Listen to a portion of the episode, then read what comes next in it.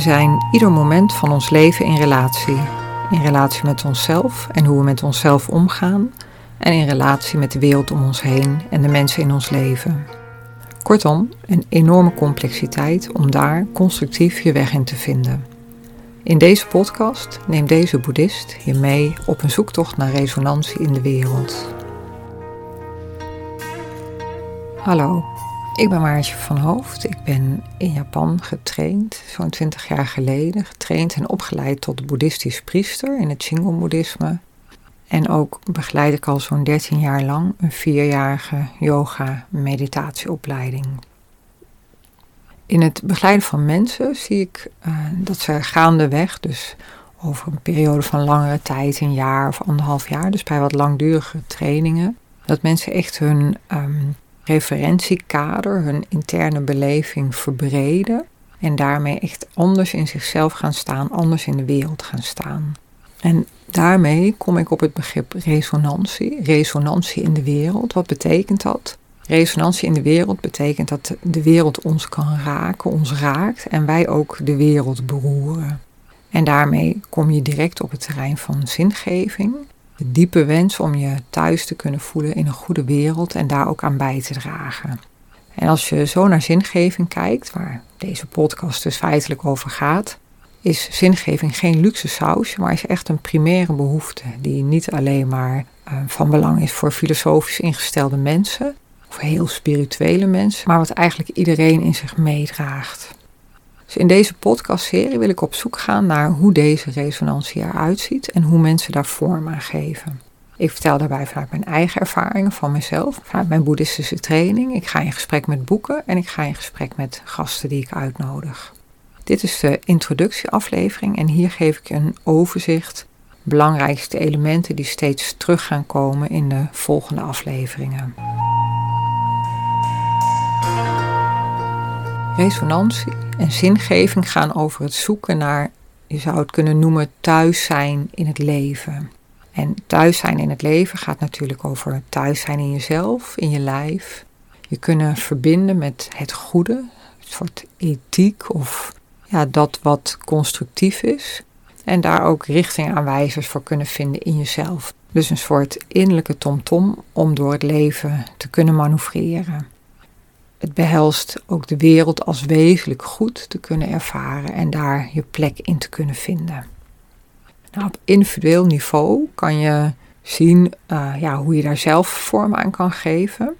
En vanuit individu kan je zeggen dat uh, ja, als je eigenlijk teruggaat naar hoe wij uh, gevormd worden of hoe wij ons leven vormgeven, dat ja, onafhankelijk zou je kunnen zeggen van of je nou een hele ja, ingewikkelde jeugd hebt gehad of veel minder ingewikkelde jeugd, dat wij allemaal tot zekere hoogte gewoontedieren zijn. Uh, we houden ervan als er een zekere routine is, een zekere voorspelbaarheid, vaste ritmes, vastigheid in je leven. En naarmate we ouder worden, zeker in ons volwassen leven, vormt ons leven zich steeds meer rond vaste routes. En daarin zie je steeds meer vernauwing. Dus dat is een begrip wat ook terugkomt. Deze vastere routes of vernauwing, die kunnen plots doorbroken worden door intense levensgebeurtenissen als geboorte of dood, maar ook ziekte. En ook ziekte en dood kunnen voor mensen juist een opening vormen naar een diepere verbinding toe. Dus meer ervaren van ehm, ja, verbinding met anderen of verbindingen met het leven. Maar ook door kunst of poëzie kan die intensiteit gevoeld worden, bijzondere ontmoetingen ervaring in de natuur, meditatie, gebed. En kenmerken van dergelijke ervaringen zijn een bepaalde intensiteit in de ervaring, gevoel van openheid, verbinding, nieuwsgierigheid, verwondering, levendigheid. Dus het is een verbreding en intensivering van je ervaring. Dus echt ander gevoel dan wat je in je meeste dagelijkse um, situaties meemaakt. Die ervaringen zijn dus niet specifiek mentaal, maar doen ook iets in je lijf. En deze ervaring kun je overkomen, maar kan je ook trainen. En een voorbeeld is wat ik zie in de yogaopleiding, is dat ja, over een verloop van langere tijd, dus niet met één specifieke ervaring, maar dat in een langere trainingsperiode een verbreding ontstaat en een verrijking van de interne beleving. Dus de, wat je in jezelf voelt is niet meer een soort ja, ongedifferentieerd iets, of vaak ook onbekend iets, maar ja, heeft heel veel nuances en ja, is ook een bron van verrijking. En dat kan een goed tegenwicht bieden voor een te veel op de buitenwereld gericht zijn, uh, lijstjes afhandelen, snelheid en prikkels die we vaak in ons leven ervaren. Die, ja, als dat je leven te veel vult, kan dat ook afstomping en vervlakking geven. Dat je het gevoel kan hebben dat je geleefd wordt. Dus zo'n training is dan een, eigenlijk een ingang om, doordat je meer thuiskomt in jezelf of in je lijf of vooral in je interne beleving, dat je daardoor ook ja, met meer balans en meer innerlijke rijkdom je in de wereld kan bewegen. Nou, vanuit mijn eigen ervaring, zo'n intense gebeurtenis heb ik zelf ervaren. Toen was ik ja, vrij jong, 23, woonde ik in de yogacentrum in uh, Laren, Gelderland, Japans yogacentrum. En eigenlijk op het moment dat ik me helemaal niet goed voelde en daar liefst zo snel mogelijk uh, daar niet meer wilde wonen. Dus ik was echt eigenlijk helemaal niet in een positieve gevoelsstemming. En was ik aan het mediteren en in een soort flits alsof mijn zwaarte en moeheid opengebroken werden. En ik voelde me een soort één met de elementen, met uh, de aarde, met de lucht, met het water. Dus het was voor mij heel verrassend. Was daar helemaal niet mee bezig. En wat ik heel bijzonder aan vond, het was ook het onverwachte, maar ook um, de enorme energie en levendigheid die ik daarna voelde. Maar ook uh, dat ik me daardoor heel veel vertrouwen kon voelen. Dat, weet je, als alles weg zou vallen, dat je hierop terug kan vallen. Dus dat het een soort wezenlijk goede wereld is waarin je leeft. En dat er een bodem ligt, of dat je gedragen wordt in die wereld. Dus dat was mijn ervaring op dat moment. En ik moet eerlijk zeggen dat zo'n ervaring veel grotere imprint achterlaat. Veel meer ja, iets is om op terug te vallen dan welke filosofie dan ook. Dus veel mensen ervaren in dergelijke ervaringen, zou ik kunnen zeggen, een soort piekervaring. Die ook ja, meegaat in de rest van ja, hun leven. Het soort bodem waar je in ehm, ja, op terug kan vallen of waar je naar terug kan vallen in jezelf. Dus verschillende manieren om uh, de interne beleving te verbreden en te openen. In relatie tot jezelf en ook het ruimte maken voor je eigen interne beleving. Daarover gaan we het hebben in de podcast, maar ook hoe dat werkt in contact met anderen. Dus niet alleen maar in een soort afzondering in jezelf, maar juist ook in contact met anderen.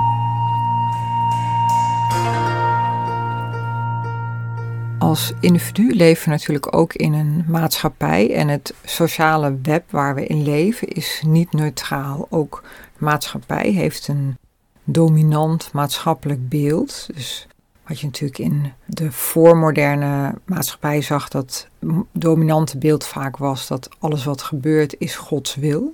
Maar tegenwoordig zie je dat het dominante beeld is dat wij een economische mens zijn, de homo economicus, de consument, het individu. Als ik het zelf maar fijn heb. Stilstand is achteruitgang. Je moet steeds streven naar meer. Je moet je beste zelf zijn of steeds een betere versie van jezelf worden. Nou, al die beelden bepalen natuurlijk heel erg uh, hoe wij die interactie met de maatschappij ervaren en hoe we onszelf daarin ervaren. Dus ook dit maatschappelijke beeld kan heel veel vernauwing en vervlakking geven. Want hoeveel mensen ervaren hun werk als zinvol? Je ziet enorme behoefte aan inspiratie, maar als we zo graag geïnspireerd willen worden, komt dat dan misschien doordat het dominante maatschappelijke beeld juist zoveel vervlakking geeft en je daaraan aanpassen je zoveel vervreemding geeft. Dus het maatschappelijke beeld en de context waarin je beweegt, dat is natuurlijk heel erg belangrijk. En ik zie het zelf in de, ja, zeg maar de yoga-wereld. Yoga is van oudsher een filosofie die je heel erg brengt naar een autonome, open positie waarin je een soort diepe verbinding hebt met de levensstroom, met anderen om je heen. En in de westerse wereld is yoga eigenlijk in plaats van een ja, radicaal andere insteek dan de consumptiemaatschappij, is het een consumptieartikel geworden die je helpt om beter te kunnen presteren in de consumptiemaatschappij. Dus daarin zie je dat eigenlijk ja, de context een soort vervorming geeft van waar zoiets als yoga in feite over gaat. En je ziet dat ook wel terug in de meditatie en zeker in mindfulness trainingen. Je ziet dat mindfulness trainingen niet per se gebruikt worden om een soort herijking te geven van het is nou werkelijk belangrijk. Maar dat ze gebruikt worden zodat werknemers stressbestendig worden en dus beter kunnen presteren. Nou, deze vraag, hoe je die resonantie vindt in een wereld die best wel op zijn kop staat, want er is natuurlijk ja, heel veel ongemak met de huidige inrichting van onze maatschappij. Het is heel erg groeigericht. Als onze economie niet groeit, dan stort de economie in. Maar we kunnen niet verder groeien, want de natuur laat zien dat we echt de grens bereikt hebben. Wij ook als mensen kunnen bijna niet nog meer versnellen, nog meer, ja, steeds maar leveren, nog meer aanstaan. 24 uur per dag, 7 dagen per week bereikbaar zijn, bij wijze van spreken. Dus je ziet dat ja, ook in dat maatschappelijke omveld uh, van alles in beweging is en ja, heel erg uh, noodzaak is voor herijking.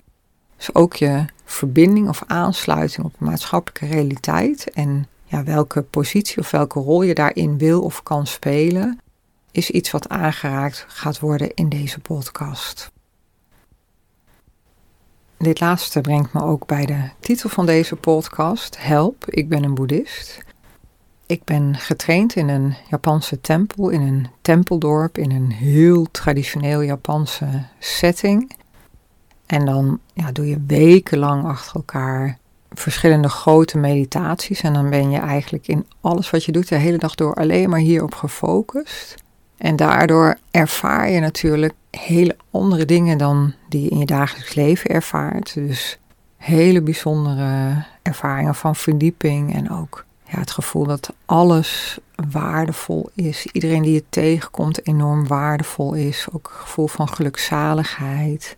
Hele diepe verbinding ook met die trainingslijn. Het zijn mandala meditaties, dus ook ja, het gevoel dat je echt verbonden bent in een soort web van relaties.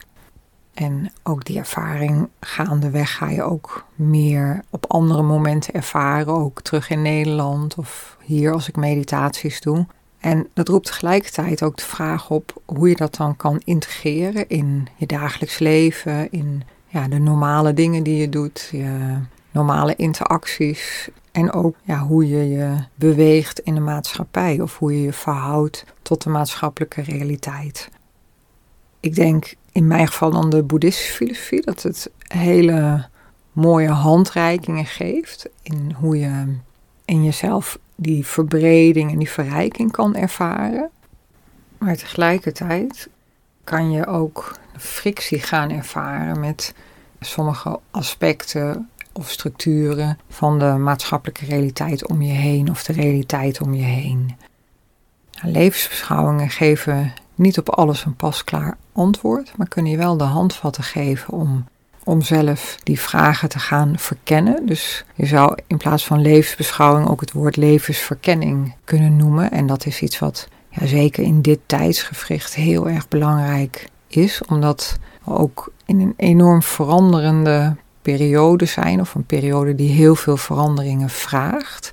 En juist een open, verkennende houding met een soort intern kompas, met een goed ontwikkeld intern kompas, is iets wat ja, heel erg waardevol kan zijn. Als afsluiting van deze introducerende aflevering wil ik je vragen om zelf even een moment te zitten en te reflecteren en terug te gaan naar een herinnering van een moment van resonantie, moment van intense verbinding of iets wat heel erg geraakt heeft. Voel dan ook in je lichaam, in je lijf, waar je dat kan voelen en hoe dat voelt.